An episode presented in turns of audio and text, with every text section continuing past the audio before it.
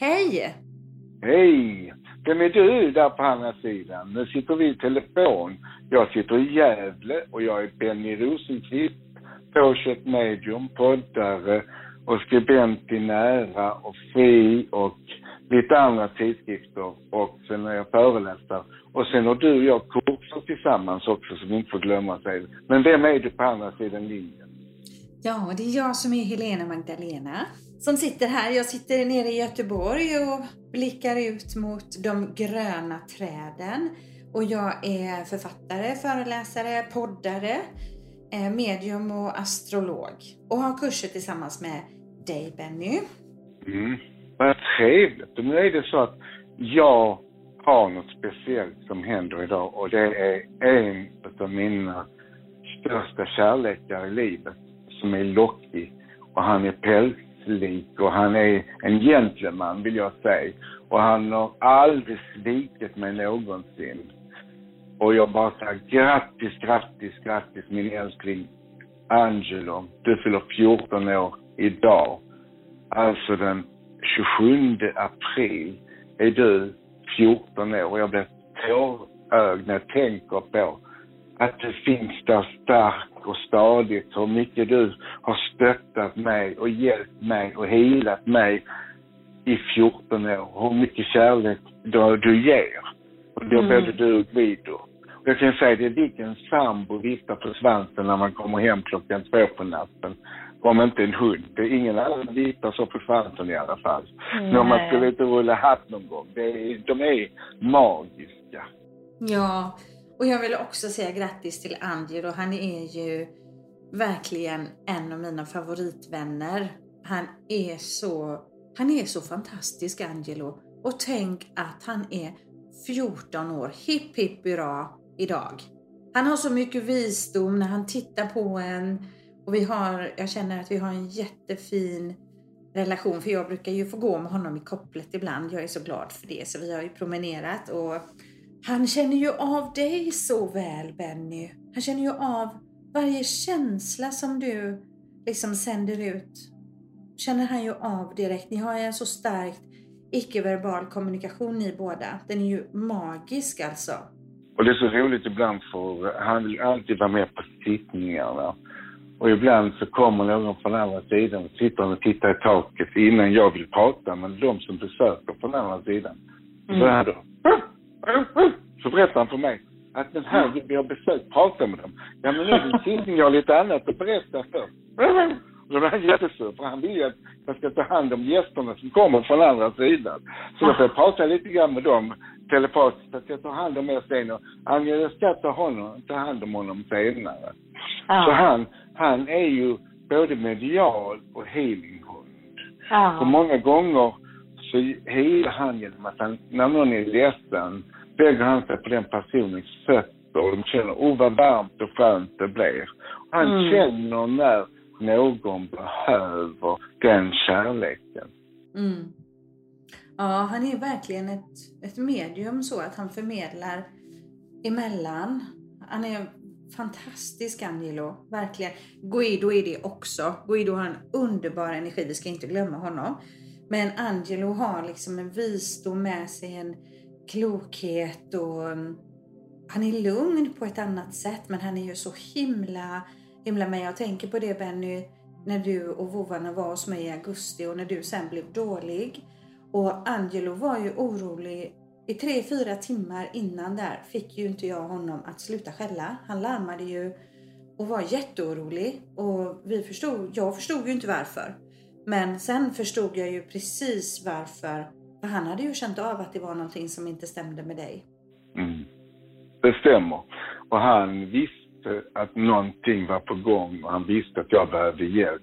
Och det fick mm. jag. Då blev han, först då blev han lugn han visste att jag fick hjälp, så att säga. Ja. Det är magiskt. Så de läste av det. Men Guido, det betyder ju guide på italienska. Och när jag köpte honom som valp så tänkte jag, vad är det jag ska lära mig? Vad är det, vad är det för guidning jag ska få när han biter sönder hela min soffa, hela min trädgård, alla blommor, alla toalettpapper, alla Och det roliga var när jag, han bet sönder skattsedeln så fick jag ringa till Skatteverket så jag skulle betala efterskatt. Så sa jag, jag har tyvärr min hund bitit upp min skattsedel så jag behöver en ny. Så sa han, han verkar duktig, kan man få låna honom? sa hon på Skatteverket. ja, precis. så att eh, det var väldigt, han var duktig på att bita sönder på stöta.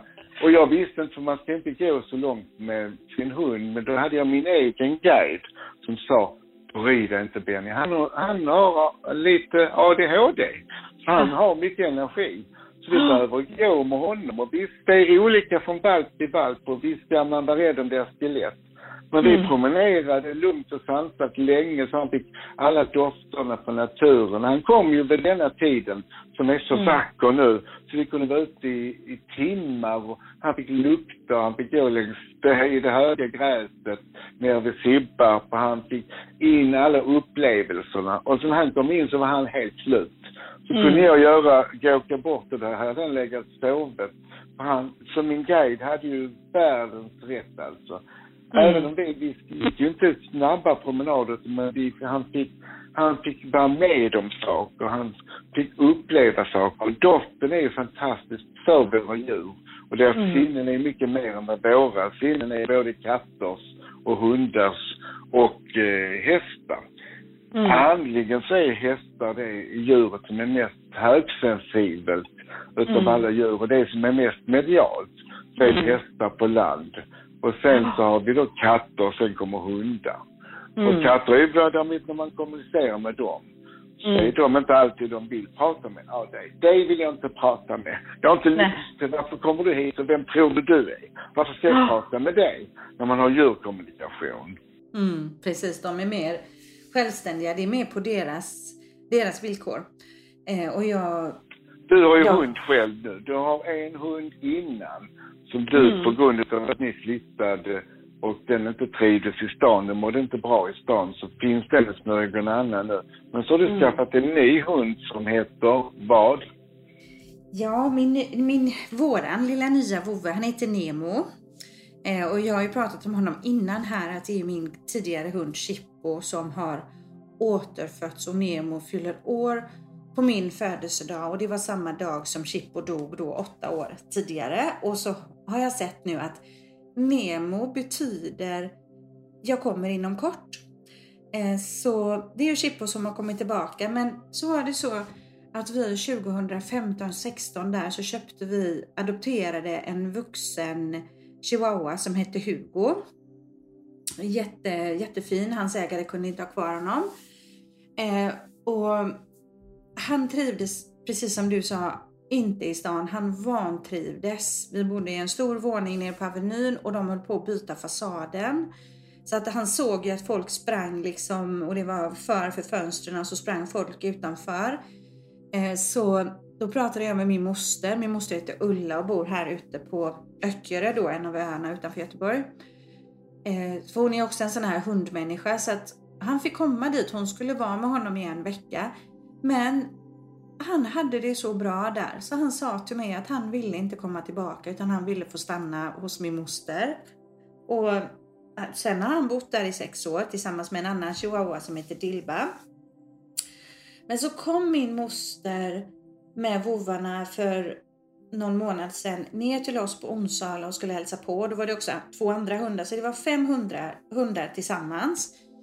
Och våran tidigare hund Hugo och vår nya hund Nemo, de blev sådana bästisar så fort de bara såg varandra. Och de är sådana bästisar så de bara älskar varandra och de ser likadana ut fast Hugo är ju då chihuahua och Nemo han är ju en blandning mellan pomeranian och papillon så han är lite större men de har precis samma färger de här två killarna. Mm. Eh, och så för ett par veckor sedan så tyvärr så dog min mosters hund Dilba, då den andra lilla chihuahuan så Hugo han har varit väldigt ledsen och tycker det är väldigt tomt. Och då har vi gjort så nu att då får Hugo och Nemo vara lite mer tillsammans. Så nu har de varit hos moster i några dagar. Och idag ska jag hämta. Så tar jag hem bägge killarna nu så de kan få vara tillsammans. Och då är Hugo 12 år gammal och Nemo är ett och ett halvt. Och de är bästisar, verkligen. Mm, vad fint. Mm. Och, och det som du sa innan också, det är ju att de kommer gärna tillbaks, våra hundar.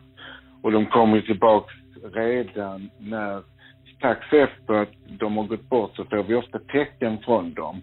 Som jag fick till exempel, jag förr fick inte mina hundar vara i sängen beroende på min dåvarande sambo. Det fortsatte jag med. Nu skiter jag i det, så nu sover alla i sängen. Mm. Men då var jag så, och då hade jag ett sängavkast som var sträckt, för det kunde man ju ha när de inte var uppe i den. Så Mm. han, när jag kom hem och Viktor, som han hette då, som är Guido, när han kom hem, när jag kom hem från att ha avlivat honom för han hade cancer. Han var envis, han ville inte släppa taget. Mm. Men var tvungen till att göra. Det var en fruktansvärd avlivning. Han, han var så nära mig då också så att han ville absolut inte. Så det tog en och en halv timme innan han släppte taget och jag grät och grät och grät. Ja. Vilket jag inte skulle gjort men det var så fruktansvärt hemskt. Och när jag Mm. kom hem, vad var det då på sängöverkastet i steg? Då hade han gått över sängen som han inte fick göra när han var hund. Och sen på natten hörde jag hur han drack vatten. Då hade jag en taklägenhet. Och han steg och han gick runt där och de, de, det tog flera månader innan de försvann. Mm. Och sen kom han tillbaks igen. Och då blev han Valentino. Ja. Och då skulle inte jag ha en golden. Men han la sig bredvid mig när jag var och tittade på honom. Och stod upp honom och då somnade han med mitt hjärta. Och då Mm. tänkte jag, då fick han heta som munken Valentino som skrev det första kärleksbrevet. Mm. Så han la, han somnade där vid mitt hjärta. Då sov han så länge jag var. Och han var så ledsen när jag gick ifrån honom. För sen en vecka senare hämtade upp honom igen. Och då var han så lycklig. För då fyllde Mm. jag. Och alla mina kompisar var på gården. Och det var precis som, tjena, här är jag igen. Det är jag. Mm. Och han pratade med alla precis som, ni känner mig redan. Och det var liksom som eh, återträffen igen. Här, jag kommer tillbaka till en annan förpackning nu. Den här kroppen är mycket bättre. Ah, gud vad härligt. Vad underbart. Sen kom han som Guido igen. Och Mm. vet du vad de alltid är rädda för? Bilar. Nej. Han tycker inte om att sitta där bak i bil för han, min för detta pojkvän klämde Viktor en gång. Och han var, Mm. klämde honom i hissdörren. Mm. Och han är rädd för hissar. Så han, och han tycker inte om att gå in när vi är min kompis Sebastian. Så ställer han sig så jag får putta in honom. för Han vill inte vara i hissen liksom. Fortfarande tre skepnader efter han kommit tillbaks. Han har samma rädslor. Så jag känner igen honom. Det är precis samma Mm. som när han var liten valp som Viktor. Samma. Och GB glassgubbe, den är jätteotäck. Den svänger fram och tillbaks. Och när han Mm. fick, när GB-gubben fick en fru också, då var hon extra läskig alltså. Mm. Mm. Har du Ja. känt också att din hund har kommit tillbaks? Att Nemo är, att den har visat samma tendenser som när han var där förra gången? Ja, för Chippo som vi hade tidigare, jag adopterade honom. Han kom från djurskyddet. De ringde mig. Jag jobbade inom socialtjänsten så ringde de från djurskyddet och hade omhändertagit då Chippo. Och då var han, tippade de på 4-5 år och de tyckte att det var en så fantastisk hund så de försökte verkligen få en hundmänniska att ta sig an den här byrackan. Och eh, vi hade inte riktigt planer egentligen då på att skaffa hund men hur det än blev så blev Chippo våran familjehund. Eh, och vi älskade honom så otroligt mycket. Men när han kom så fick jag ju träna ganska mycket med honom. Eh, han var väldigt lättlärd. Han var chef för labrador och border collie så han var ju väldigt smart och lärde sig saker väldigt snabbt. Och jag tränade honom på speciella, på speciella sätt. Eh, och eh, ja, han lärde sig väldigt snabbt och blev en ganska uppfostrad hund i alla fall. Och när nu Nemo kom så testade jag att göra samma träning. Liksom på samma sätt som jag hade gjort med Chippo. Och då såg jag det att Nemo visste precis vad jag gjorde och fattade precis så att jag visste det att Nemo kan det Chippo kunde. Mitt sätt att träna Chippo, det hade Nemo liksom redan med sig. Det har också varit så här lite specifika grejer som egentligen bara jag och Chippo vet. Som Nemo redan också hade förstått. Eh, och så både Chippo och Nemo, de är väldigt kärleksfulla och väldigt lekfulla men också självständiga. Alltså om jag ropar kom här nu, då kan de titta så här, det gjorde de båda två. Liksom, Varför ska jag komma nu då? Vad är det för mening så här? Så de har egenheter och så har de samma färg på pälsen. Och samma päls, den här vita med lite gulröda inslag. Så de, de ser likadana ut, även de och även lilla Hugo då som vi hade däremellan som kommer idag till mig som jag ska passa då. Och som Guido är och, Valent och Angel också gör. De är samma vita med guldig så precis som Nemo och, och mina hundar, de liknar varandra. Så de bildar verkligen en flock när de träffas. Ja. Ja, och Nemo älskar ju Angelo. Det var ju också lustigt när Angelo och Guido kom. Och vi tänkte kanske mer, jag tänkte så i alla fall, att Guido då som är ung och lite busig, att det var han och Nemo som skulle fastna. Men det var ju Angelo och Nemo som blev jättebundisar och Angelo lekte ju hur mycket som helst den dagen. Mm. Och han var helt slut i efteråt, för han är en gammal gubbe. Så han, han stod på det bara. Sen måste jag berätta också med hundar. För jag var Mia Mattsson som är djurkommunikatör. Och hon har ju ett hospice för gamla hundar som hon tar hand om. Och eh, hon hade ju 17 hundar, gamla hundar, så healade jag dem. Och de märkte ju med en gång att jag healade, så då slogs de om mig. Och då sa Mm. jag, nu är det ordning i klassen. Och de var pensionärer. Så sa jag, nu ställer ni här i kö. Och det gjorde de. Då stod där 1600 på rad. Utom Jackson. Han skulle tränga sig. Det är alltid någon pensionär som tycker de har favorit. Så det, han skulle tränga sig. Och då blev det så. Alla tanterna de följde på honom. Så han fick ställa sig sist i kön. Här har vi kö ungefär som i Sverige men du vet gamla pensionärer. Ja. Du går inte före i kön. Här tar, nu får du stå där sist. Och du kom sist. Och så är det ju med pensionärer här också liksom. Så att Ja, de, och då healade de en och en. Och vet du vad de Mm. gjorde efter? De sa tack med en slick på handen. Jag fick Ja. tack också. Så betalningen var kärlek. Så det är så fantastiskt när man healar ett djur. Och de visar gärna var de har ont. Så när man ger en hund healing eller en katt healing. Och just det där att de tackar och de blir så glada. Och när man Mm. healar en, en häst så skickar de bilder till en vad de behöver för healing.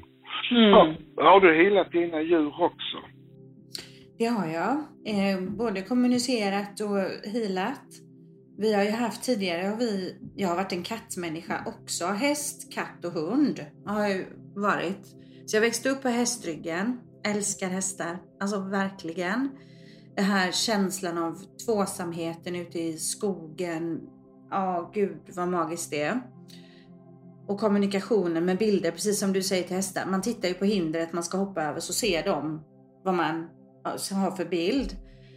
Eh, och sen eh, likaså med katterna har ju vi har haft katter liksom under många, många år.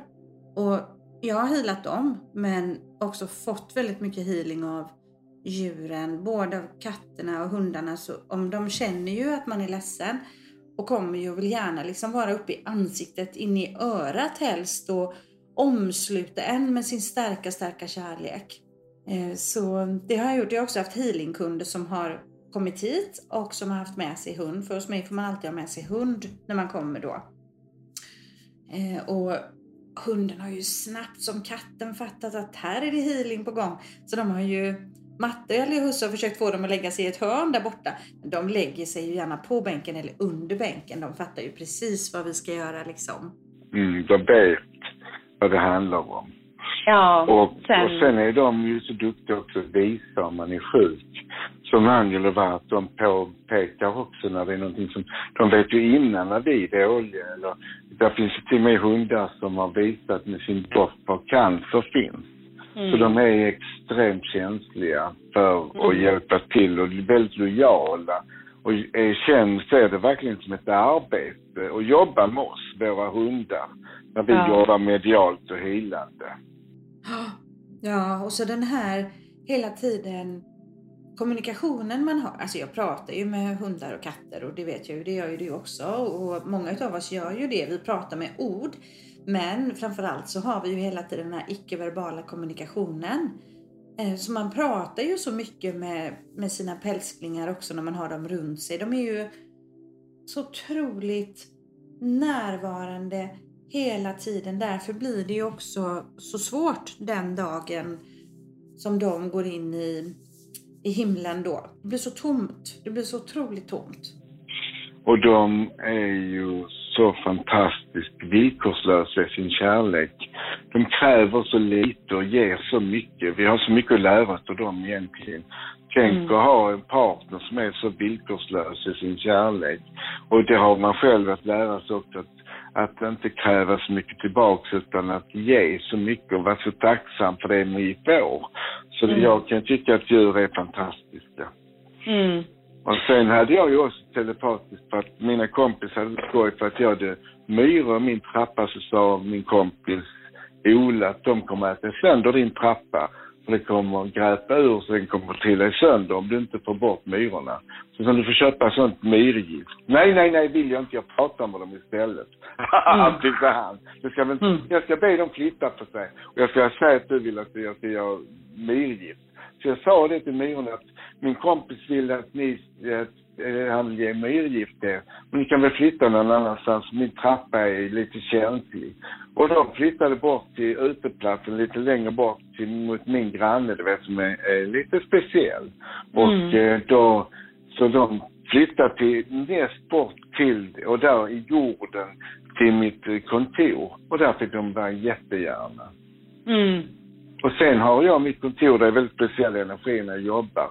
Och där har vi radhus, och där bor lärkor, där har vi något annat talgjugspar och där har vi något annat fågel som jag inte vet.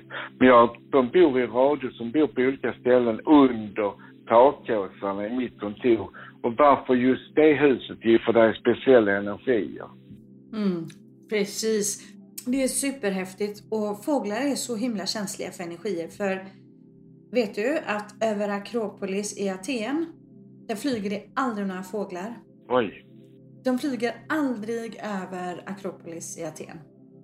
Det är ju också jättehäftigt. Det är någonting de känner över det kraftfältet. Och på tal om fåglar. Min äldsta dotter Cassandra som bor här utanför, hon bor utanför Alingsås.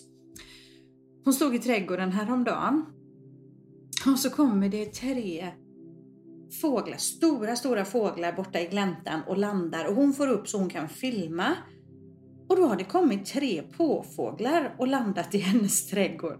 Åh, så vackert. Ja, så fint. Så hon delade ju på Facebook då och folk skrev ja men det är nog orrar eller tjädrar. Men då luskade hon ju lite i detta och då visade det sig att hon har en granne någon kilometer bort som faktiskt har påfåglar. Så de, de hade rymt och så kom de där och landade in lite snyggt i hennes trädgård. Vilken, vilken syn va? Vilken syn. Och vet du varför fåglarna flyger upp och ner utan ovanför Eslöv? Det är för att de ska slippa se eländet. Ja, ja, vad härligt. Och Ja. sen andevärlden använder ju sig till djur när de kommer till oss. Så ibland får vi tecken från andevärlden. Då kommer de som en fågel eller som en fjäril. Eller som någon sa som en mask, för det var en mask som var väldigt envis. Och ville inte lämna och var väldigt kärleksfull mot min kompis som egentligen rädd för maskar. Jag förstod att det var hennes pappa, för han var smal som en mask. Och hon Mm. pratade med den och den ställde sig upp och de hade kommunikation i en hel sommar, den masken och hon. Mm. Det kan Ja. komma i olika former. Det, och jag tror mer det är den energin vi lägger i dem som är den släktingen vi får besök från.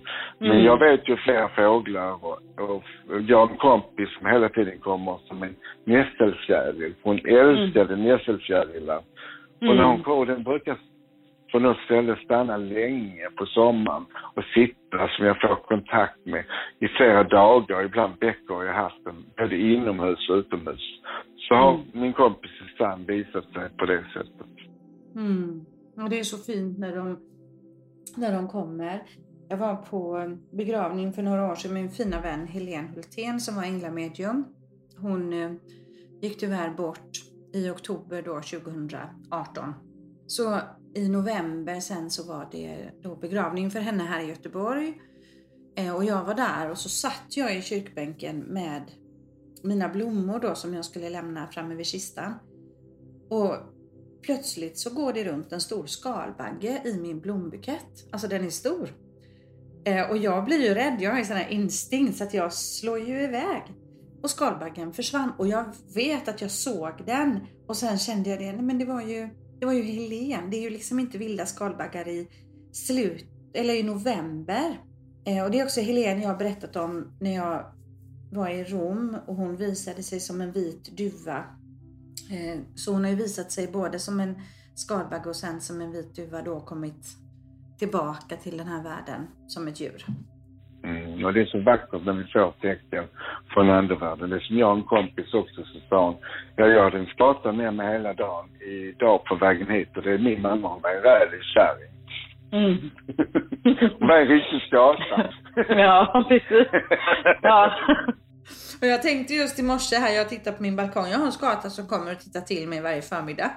Åh, vad Eh, fint. Jag älskar ja. skator. Jag tror de är så vackra. Ja, men de är det och jag har även nu att nu finns det ju djur ute till fåglarna, men jag har lite fågelmat på min balkong här i stan. Så jag har mycket så här blåmesar och så.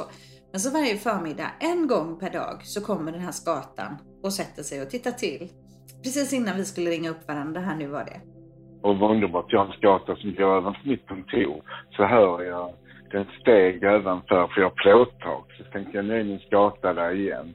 Och så brukar jag lägga ut äpplet till den, för den älskar äpplet. Så jag brukar lägga ut äpplebitar till den och päronbitar och så skära. Den vill gärna ha det skivat i små bitar.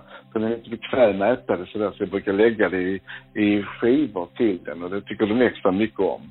Mm. Mm. Så jag, jag tar hand om mina pippiga. Och, och som jag var- reser mycket så var jag rädd för att, eh, att om jag inte gav mat, att de, som min kompis eh, Silvertärna, att eh, om det inte är öppet på den restaurangen så letar de upp någon annan.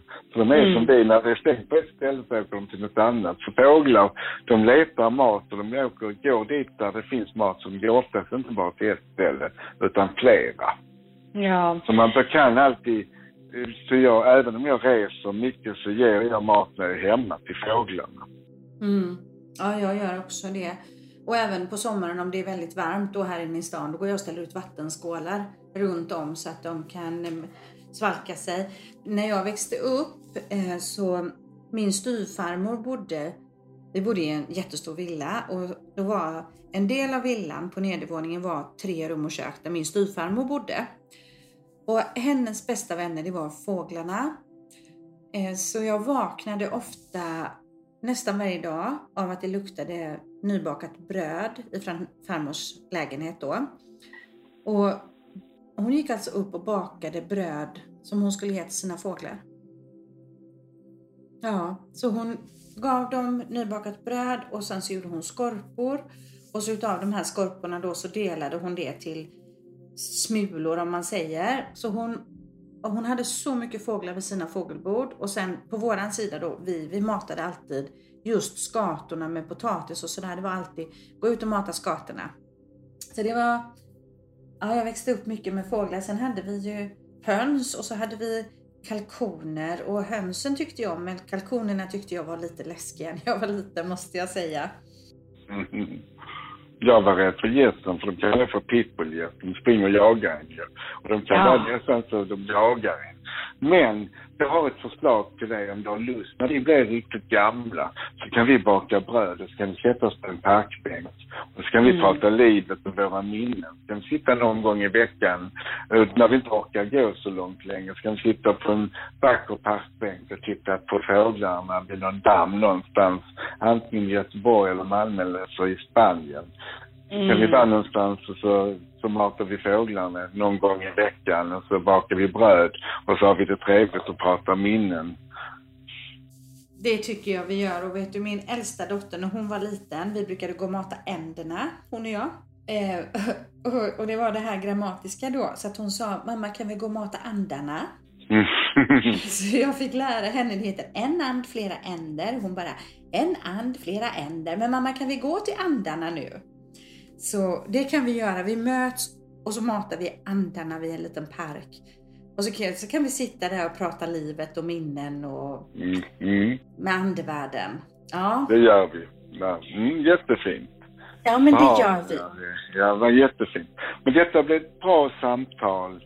Och än en gång från oss båda, tror jag, Angelo. Hipp hipp hurra, du är bäst. Ja. Eh, Stort tack för nu och kram Benny. Puss och kram Hej till er alla. Kram, Ja, kram. Hej. Kram, kram. Hej då. Hej.